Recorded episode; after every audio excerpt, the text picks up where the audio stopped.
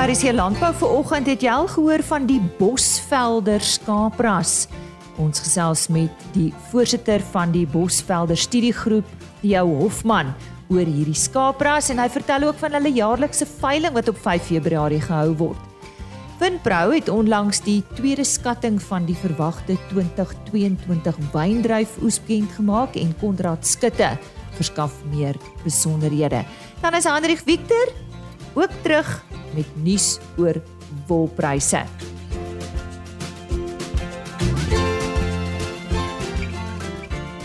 My naam is Lise Roberts en baie welkom by vanoggend se RSG Landbou.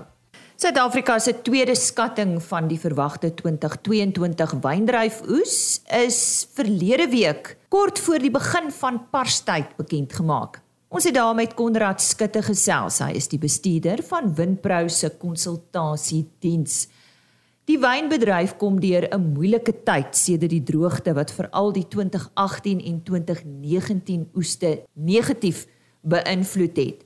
Hoe erg was dit en wat het die boere gedoen om by hierdie moeilike toestande aan te pas? So ek dink in terme van die droogtejare was die uh, groot uh, droogtejare eintlik 2018 en 2019 se seisoene gewees. Uh so as ons daar kyk na syfers, die totale opbrengs volgens Sawis sal ons sien as ons die uh, afname dan nou baseer op die 10 jaar gemiddeld, so as dit 10 jaar gemiddeld is 2007 tot uh, 2017, sal ons sien teen 2018 het die oeste totaal deur die land met plus minus 14% afgeneem en daai tendens het dan nou voortgeduur tot 2019. In 2019 was dit 'n klein bietjie beter geweest, maar is nog steeds 'n 11% onder die lang of die 10 jaar gemiddeld geweest en 2020 definitief 'n verbetering, maar steeds 5% eh, onder die 10 jaar gemiddeld. Ehm um, en daai tendens het gelukkig dan nou omgedraai teen 2021 wat ons uh, plus minus 3% oor die langtermyn gemiddeld was. So wat het die die produsente dan nou gedoen om aan te pas by die droogte toestande? Ek dink 'n paar van die tendense wat definitief ons uitgestaan het Eerstens is 'n uh, uh, daar's 'n spreekwoord wat sê om te meet is om te weet. So definitief het ons uh, baie gebruik gemaak uh om grondgebaseerde lesings in die gronde te neem om te kyk wat is die grondvogstatus in die gronde. Dan het ons ook gebruik gemaak van plantgebaseerde lesings om te kyk wat is die stresvlakke in die plante en ons het uh, definitief daarvolgens besproei as ons by sekere stresvlakke kom. Ek dink iets wat baie uitgestaan het in hierdie droogte toestande is dan nou effektiewe uh, grondvoorbereiding waar produsente die gronde probeer voorberei tot en met 1.2 meter diepte om 'n groot bufferkapasiteit in die gronde op te op te bou waar die plante dan nou met 'n diep wortelstelsel by hittegolwe die beskikbare water kan uit die gronde uit ontgin. Baie produsente het ook gebruik gemaak van waterbegrotings wat hulle dan nou moes besluit het wanneer om te besproei, maar ook hoeveel om te besproei. En ongelukkig was daar nou heelwat gevalle gewees waar daar slegs A-blokke uh, besproei was en B en C blokke het agterweë gebly waar hulle glad nie kon besproei nie, wat dan nou ook 'n dramatiese effek op hierdie oesgrootte sou gehad het. Uh baie produsente het gebruik van uh, gemaak van deklaag uh, bestuur waar hulle dan nou dekgewasse gebruik om tussen die rye of onder die stokke 'n deklaag neer te lê wat die gronde 'n uh, buffer vir warm temperature, maar dan nou ook die grondvog hoeveelheid beter uh, behou het. Uh, dan was ons baie streng in terme van onkruidbeheer, onkruide kompeteer met wingerdstokke vir kos en water, so ons het onkruide baie goed bestuur en uiteraard van die saak het ons die lowers so klein as moontlik probeer hou. Uh groot lowers uh, gebruik meer water, so ons het uh, minder bemes en uh, net bemes volgens uh, grondmonsters wat geneem was om die lowers kleiner te hou en dan was ons ook baie streng geweest op suierpraktyke waar ons 'n uh, um, onnodige loodgroei uit die lowers uit verwyder het om daai lowers so klein as moontlik te hou. Ek dink in terme van die stelsel gebruik het baie produsente dan nou ook gekyk om daai stelsel so effektief as moontlik te hou, seker te maak daar's geen lekke in die stelsel nie, die stelsels werk op goeie druk en heelwat produsente het dan nou ook in die aand begin besproei om dan nou uh water te probeer bespaar. So dit is die hooftendense wat ek sien aan die droogte kant wat produsente toegepas het. Die 2021-22 seisoen se klimaat was heelwat gunstiger as in die droogte jare. Tog het dit 'n groot invloed op die verwagte oes in die verskillende streke gehad. Hoe het die seisoen verloop en hoe lyk die oesvooruitsigte in die verskillende streke? Kom ons hoor wat sê Konrad Skutte. Ek dink as ons 'n paar maande terug gaan en ons begin by die naoesperiode, ehm um, wanneer die oes eintlik begin, was daai toestande heelwat gunstig geweest. Ons het 'n uh, goeie toegang tot besproeiingswater gehad en met daardie besproeiingswater kon ons dan nou ook naosbemesting neersit op die wingerde. So dit twee faktore werk saam om later blaarval te bewerkstellig so die wingerde kan goeie reserves opbou en daai reserves word gebruik vir initiële groei sowel as vrugbaarheid in die seisoen. So ons het 'n baie goeie naalsperiode gehad. Dan het ons in die winter ingegaan. Daai winter was uh, lekker koud geweest. So ons het 'n uh, eh, goeie koue behoeftes uh, voldoen vir die wingerd se behoeftes. Ehm um, ons het lekker sneeu gekry op van die bergpieke. So die sneeu is altyd goed want dit smelt, dit beland in die riviere en die strome en dit vul dan nou ook ons uh, grondvog aan.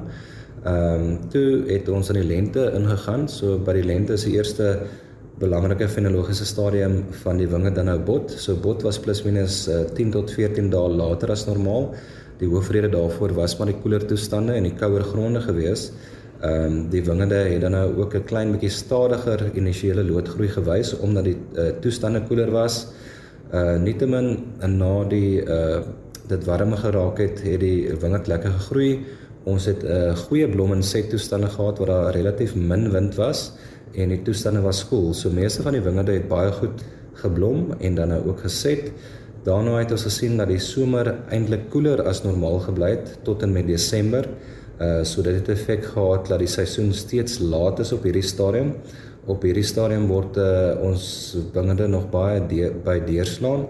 Uh so die deurslaan is wanneer die druiwe verkleur vanaf groen na rooi by rooi kultivars en op wit kultivars sal dit kleur van uh, groen na 'n uh, ligter kleur. So die deurslaan is steeds 'n klein bietjie later. Ehm um, op hierdie stadium verwag ons dan nou ook dat die oes later sal wees as normaal omdat deurslaan later is. So die oes uh, word gewoonlik hierso van einde Januarie ingeneem en kan tot en met die eerste of die tweede week van April duur afhangende van die temperature. Ons uh, sien uh, volgens weervoorspellings dat Januarie en Februarie maand uh, natter gaan wees as gewoonlik. So dit mag dalk ons besproeiingsbehoeftes uh, verlig in baie van die streke alhoewel dit baie druk gaan plaas op donskimmel en witroosbeheer sowel as onkruidbeheer in van die streke. Ons sien nou as ons uh, verder in die seisoen afbeweeg, gaan dit koeler bly in die kusstreek wat dalk nie baie druk op kelderspasie sal plaas nie, maar aan die ander kant van die berg in die binnelandse dele sal die temperature klim en die rypwordingstempo sal versnel wat heelwat druk sal plaas op kelderspasie. Nou, kom ons kyk gou in die verskillende ehm uh, produserende areas, wat is die skatting op die oesgrootte van 2022? As ons eers kyk na die noordelike dele van die land in die Oranje rivier, sal ons sien daardie oes word 'n klein bietjie afgeskat van 2021. Die hoofrede daarvoor is wingerduitkappings. Ehm um, so produsente plan meestal tafeldrywe en droogdrywe aan. Ehm um, hulle het nou ook baie goed groot witroos toestande gehad in die vorige seisoen. So die lote het nie goed ryp geraak nie en met die koue temperature van die winter het die lote beskadig en ongelyke bot gesien. Ons weet ook daar was in die vorige week 'n enorme hoeveelheid reën en uh, water wat afgekom het met die Oranje rivier, so die siektedruk is nog steeds hoog in daardie area en kan die oes nog verder negatief affekteer. As ons kyk na die Olifantsrivier, dink ons die oes sal dan ook laer wees as 2021, hoofsaaklik toegeskryf aan uitkappings. Die produsent het plus minus 245 hektaar se wingerd verwyder in 2022 Ehm um, daar is ook 'n groot witroos toestande wat heers in daardie streek. Maar aan die positiewe kant is die Klein Willem Dam lekker vol, die kanaal werk goed en ons behoort die balans van die oes goed ryp te kry. In die Swartland dan nou kleiner oestas laas jaar, eintlik het die Swartland 'n baie goeie aanloop gehad uh, tot en met Desember waar die temperature geklim het en ons sien sonbrand wat dan nou 'n negatiewe effek op die oes sal hê. Klein Karoo lyk op hierdie stadium baie goed. Meeste van die wingerde het herstel van die droogte toestande. Ons het 'n klein bietjie haal gehad laat in die groeiseisoen, so dit behoort nie 'n groot effek te hê op die totale grootte in die Klein Karoo nie en meeste van die produsente het dan nou ook toegang tot besproeiingswater van die CBR waterskema. Parel lyk op hierdie stadium ligter as laas jaar. Ons het 'n goeie uh, watervoorsiening gehad in die begin van die seisoen. Die wingerd het goed gegroei, maar hierso teen Desember en Januarie daar verskriklik baie witroes uh, sy kop uitgesteek in die Parel. En uit ons ondervinding weet ons dan nou ook dat as witroes uh, in die wingerd waargeneem word en dit word op plus minus 5% geskat teen die tyd wat dit by die kelders uitkom kan dit uh, ongeveer 10% wees so altyd iets wat meer as verwag. Die Robertson streek uh lyk kleiner as laas jaar. Uh produsente is uh besig om minder minder wyndrywe aan te plant as wat hulle uitkap alhoewel die watervoorsiening lyk goed daarso. En my kollegas vertel vir my die trosgetalle lyk goed, maar die trosse is minder as die vorige seisoen. In Stellenbosch en die Kaap Suidkus lyk toestande baie goed met groei toestande wat uh, wingerde goed groei.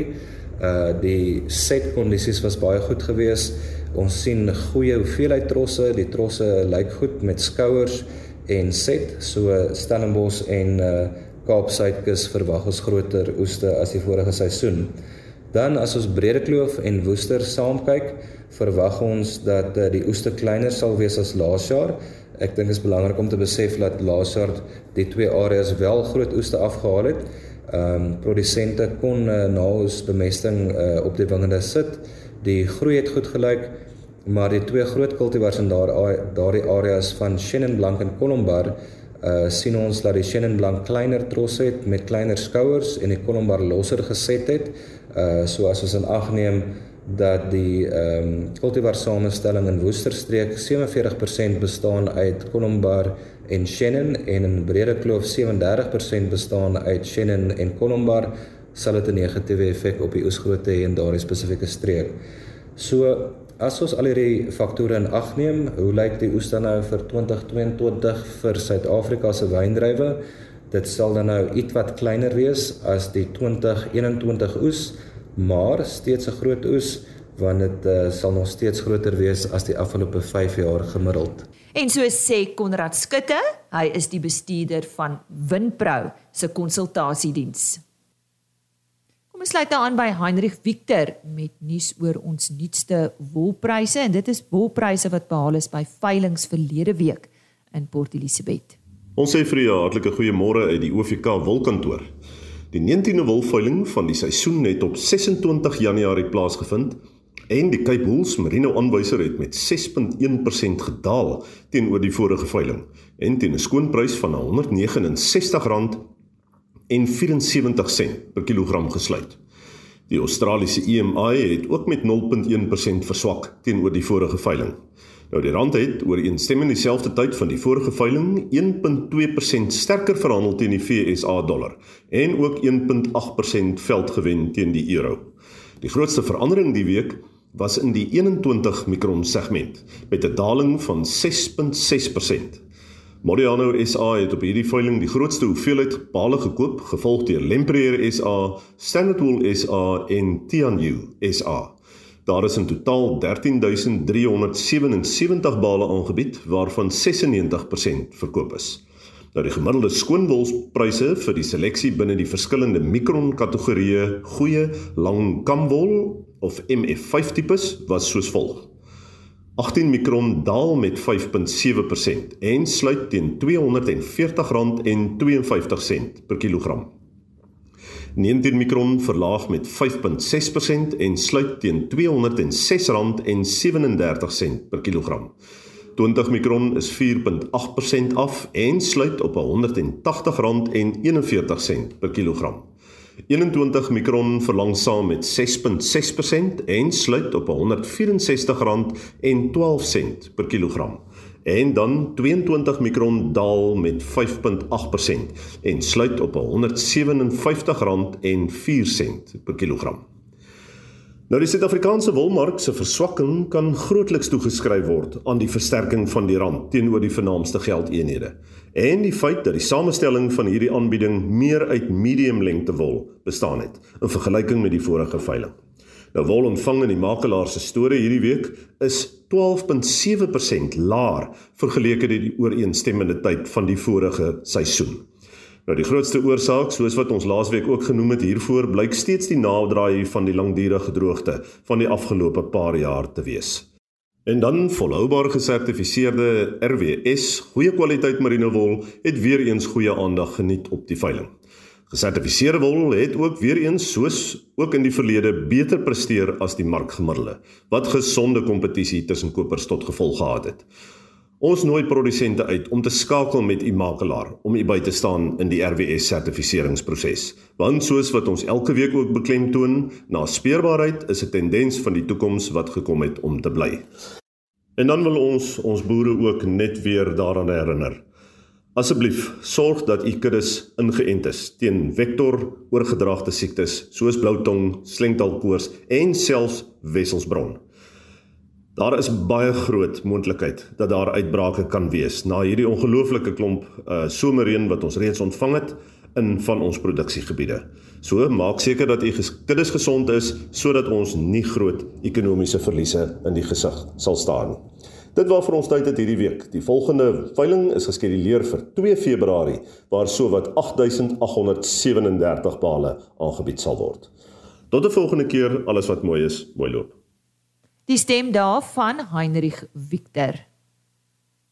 Ken jy die Bosvelder skaap? Ons gesels vandag met uh, die voorsitter van die Bosvelder studiegroep, Theo Hofman. Theo, ja, sê eers vir my, hoe het hierdie ras ontstaan? Interessant vir die van ons wat nie weet nie. Ehm, um, Moralise, ja, ons het in 2012 was ons 'n klompie uh, Bapedi skaapteelers gewees, maar ons was nie gelukkig met die produksie uit die Bapedi's uit nie. En toe het ons besluit om te begin invisie doen met ander skaaprasse om te probeer om die produksie op te jaag en en dit is basies waar die naam Bosvelder uh, vandaan kom. Ons kon nie meer die skape Bapedi's noem nie, uh, want dit was nie meer suiwer papier die skape en, en dit is waar die naam uh Bosvelder vandaan kom. Ehm um, in in kort, dit is wat gebeur het om om die by die naam Bosvelder uit te kom. So ja, ek neem aan julle is in die Bosveld presies waar? Ja, kyk ons is uh, meeste is maar in die noordelike deel van die land eintlik as ek dit so kan stel in die nieskaap wêreld van Suid-Afrika. Want die die noordelike dele, die Bosveld en die oostelike dele, Nelspruit deur na Komati poort toe daai dele is nie bekend as skaapareas nie want dit is maar waar uh, die gewone skaaprasse nie kan oorleef nie. En ehm uh, so ja maar ons het ons het teelers van Pettenberg Baai Somerset Oos Potchefstroom Koster so reg deur van Noordwes af deur die hele Limpopo en Mpumalanga en dan sover as ehm um, onder in die Kaap waar daar ook dele van hardwater en moeilike dele is waar die skaap baie baie goed aanpas en en goed doen op die stadium. Ja. So waarvan hou hierdie skaap? Wat is ideale omstandighede vir hulle? Die skaap wat hom uniek maak is dat hy kan in hierdie tropiese dele van die land baie goed ehm um, presteer. Waar ander skaaprasse maar gewoonlik as as jy gaan kyk na die ligging van Suid-Afrika die dat die, die groot dele is maar in die Karoo en die droë dele. So wat hom uniek maak is dat hy in hierdie tropiese dele kan baie goed presteer. So hulle hou van die tropiese dele, hulle hou van die die nat en en wat hom hy eet baie anders as ander skape. Hy kan hy benut verskriklik goed die veld en die bosveld waar ander skape hoofsaak hoofsaaklik op die grasse lewe, kan hy uit ehm um, die dorrigheid van die bosveld en die en en die boslewe. Voldoen sy karkas aan die vereistes van die mark? Ja, definitief. Daar's 'n groot aanvraag vir hulle. So klompie jare terug het ons gesukkel met die papedie skape oor sy vetsterk. Die ouens die die die slagters het weggeskram van die vetsterkte af en daar was 'n groot omswaai in dit gewees en nou is dit 'n baie groot delikatesse in in die bedryf wat hulle gebruik dit in droewors, hulle gebruik hy vetsterk in wors, hulle gebruik dit in die jagters veral is mal daaroor. En ehm um, so ja, daar's 'n baie goeie aanvraag. Omdat daar so tekort is in skaapvleis, ehm um, is daar baie goeie aanvraag vir hulle. Is dit 'n vrugbare skaap? Baie seker die vrugbaarste. Daar deur jare se seleksie, natuurlike seleksie. Ehm um, en daar's nie 'n beter selekteerder as die natuur is dit is dit 'n baie baie vrugbare skaap. So nee, hulle hulle teel ontsettend vinnig aan. Ek wil nie te ver teruggaan in die geskiedenis nie, maar ek sien uh, toe jy nou besluit het jy wil met skape boer het jou pa gesê nee genade, ek soek nie daai diere op my veld nie, is ek reg? Jy is reg. My pa is 'n stoere beesboer en hy kom uit Rhodesia uit of ons kom uit Rhodesia uit en wat gebeur het is hy onthou as kind hierdie tipiese en mens sien dit nou nog by sekere boere hierdie krale om die huis waar die die ehm um, skape en die bokke so flinker strap om die huis en dan sit jy met 'n klompie hektaar so om die huis wat net stof en uh eh, flinters getrap is en en oorbewei is deur die kleinvee en hy het 'n kleintjie doodgaan daaroor dat ehm um, hy soek nie dit nie en as ek dit so wil boer en ehm um, wil hy glad nie kleinvee op die plaas hê en dit het tot 'n baie unieke uh, boerstelsel by ons gelei wat verskriklik goed werk. So ehm um, hy is 'n fanatiese fanatiese. Hy's eintlik uh hy's baie baie erg oor sy veiding bestuur ja. wat 'n baie goeie ding is en en dit is hoekom hy so vasgeskop het daarteen. Ja, ja. Jy boer ekstensief, is ek reg? Dis reg, ja. Ja, die skape word wel gekraal in die aand, maar dis skuifbare krale. Dis nie 'n permanente kraal op een plek nie. Ek skuif hulle so elke ten minste 2 weekliks. Ek probeer dit uh, vinniger doen maar die skape is ekstensief. Hulle slaap buite, hulle bly buite in die wind en weer. Is glad nie onder dak nie en dan daagliks wy in wy hulle in die kampe. Hoe beskerm jy hulle teen diefstal, dit ja? Diefstal is seker een van die grootste probleme soos ons almal weet in die land met die klein vee. Hulle praat van skape se takeaway. Ons is baie gelukkig tot dusver om baie min diefstal te hê. Ek het 'n 'n karavaan wat ek maar so saam met die skape trek en ek het 'n wag wat by hulle slaap en vuur maak en so en hy pas maar die beeste en goed ook op en maar sekuriteit op die plaas in die algeheel. Hy kyk nie net na die skape nie. Maar dit is maar 'n moed uh is om na die diere te kyk want dit kan tot baie groot verliese lei as hulle die skape wegdra. Ja, ek het vroeër genoem jy's die voorsitter van die Bosvelder studiegroep. Vertel ons bietjie die rol van hierdie studiegroep en so bietjie meer oor hoeveel lede julle het en so voort. Jong, ons het 'n baie baie lekker studiegroep. Ons is so 35 ehm um, lede op hierdie stadium. Ehm um, hy groei ek wil amper sê weekliks. Dit is ehm um, dit is van wildboere, besigheidsmande, ehm um, vrouens, besigheidsvrouens uh, en en ehm um, vroue boere van ons topteelers is is vrouens en dit is wat die skaap ook baie uniek maak. Is nie soos 'n bees wat 'n wat 'n redelike moeilike dier is vir 'n vrou om te hanteer. 'n Skaap kan 'n vrou baie maklik hanteer. So ons sien al hoe meer vrouens wat betrokke raak. Ehm um, maar nee, ons is 'n baie uh hoe kan ek sê energievolle uh aktiewe studiegroep wat baie goed doen op die stadium. Daar's so 7000 skape in die studiegroep wat nogal ek het nie besef dit is so baie nie, maar soos ek vir jou sê, dit groei daagliks en ons is baie opgewonde oor die toekoms van die studiegroep ook. Ja. Voor ons nou met jou oor uh, jou veiling of julle veiling gesels, dis ook 'n rede hoekom ons vandag gesels. Net eers, uh, watse pryse kry julle vir hierdie skape? Op die stadium kry ons bitter goeie pryse, maar ek dink dit gaan basies daaroor is is oor die aanvraag en aanbod. Daar is nie hier is 'n baie unieke skaap, so daar is nie van hulle beskik of daar's baie min beskikbaar. So vir top oeye praat jy van tussen 5 en 8000 rand per ooi. Ramme hardloop enigiets van uh, 10000 rand op hang af van die kwaliteit van die ramme en die top ramme gaan gaan gaan meer en die top oeye gaan op meer.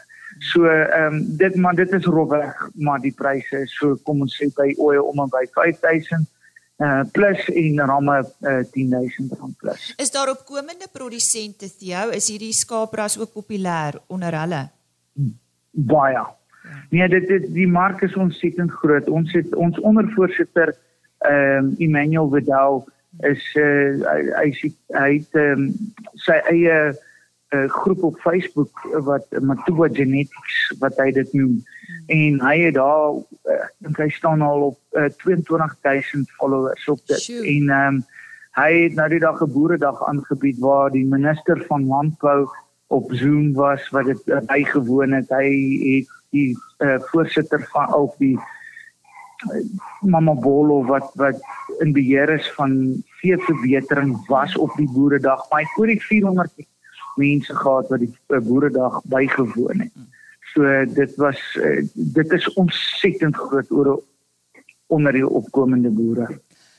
Reg, kom ons gesels oor daai veiling, julle jaarlikse veiling wat julle aanbied op 5 Februarie. Wat gebeur dan? Ons het um, ja, ons het elke jaar uh, ons studiegroep veiling. Ehm um, daar's hierdie jaar 200 oeye en 25 ramme wat ehm um, op veiling kom. Dit is by Vleis Sentraal uh by Bella Bella. Uh so ja, 5 Februarie om 11:00. Al die diere word gekeer deur 'n onafhanklike keder en dan die studiegroep raad ehm um, keer ook die diere en so al die diere wat op die veiling gaan wees is ehm um, deurgegaan uh deur 'n streng proses.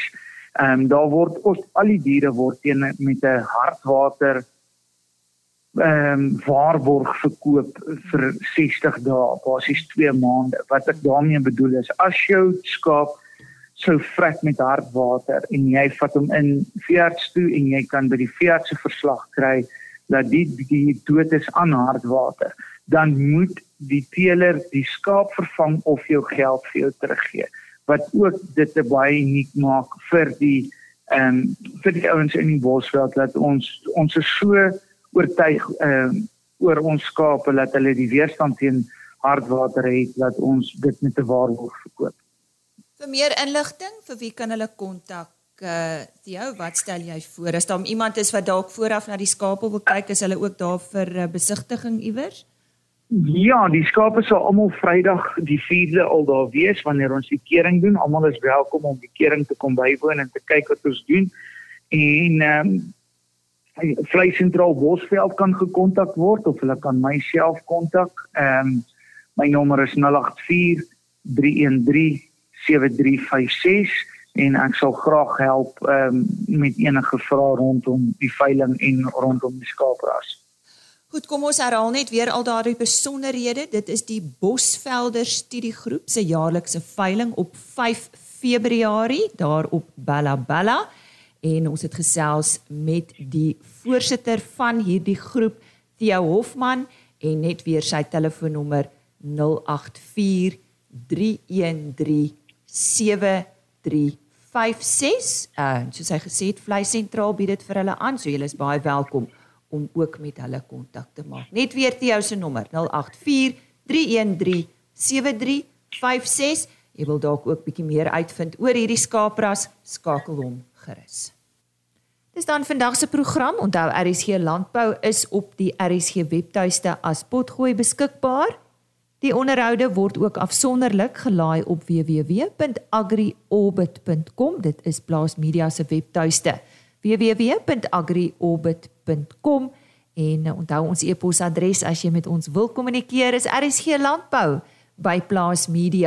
rsglandbou@plaasmedia.co.za. Ek sien uit om e-posse te ontvang. rsglandbou@plaasmedia.co.za.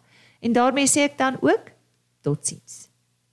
RSG Landbou is 'n plaasmedia produksie met regisseur en aanbieder Lize Roberts en tegniese ondersteuning deur Jolande Rooi.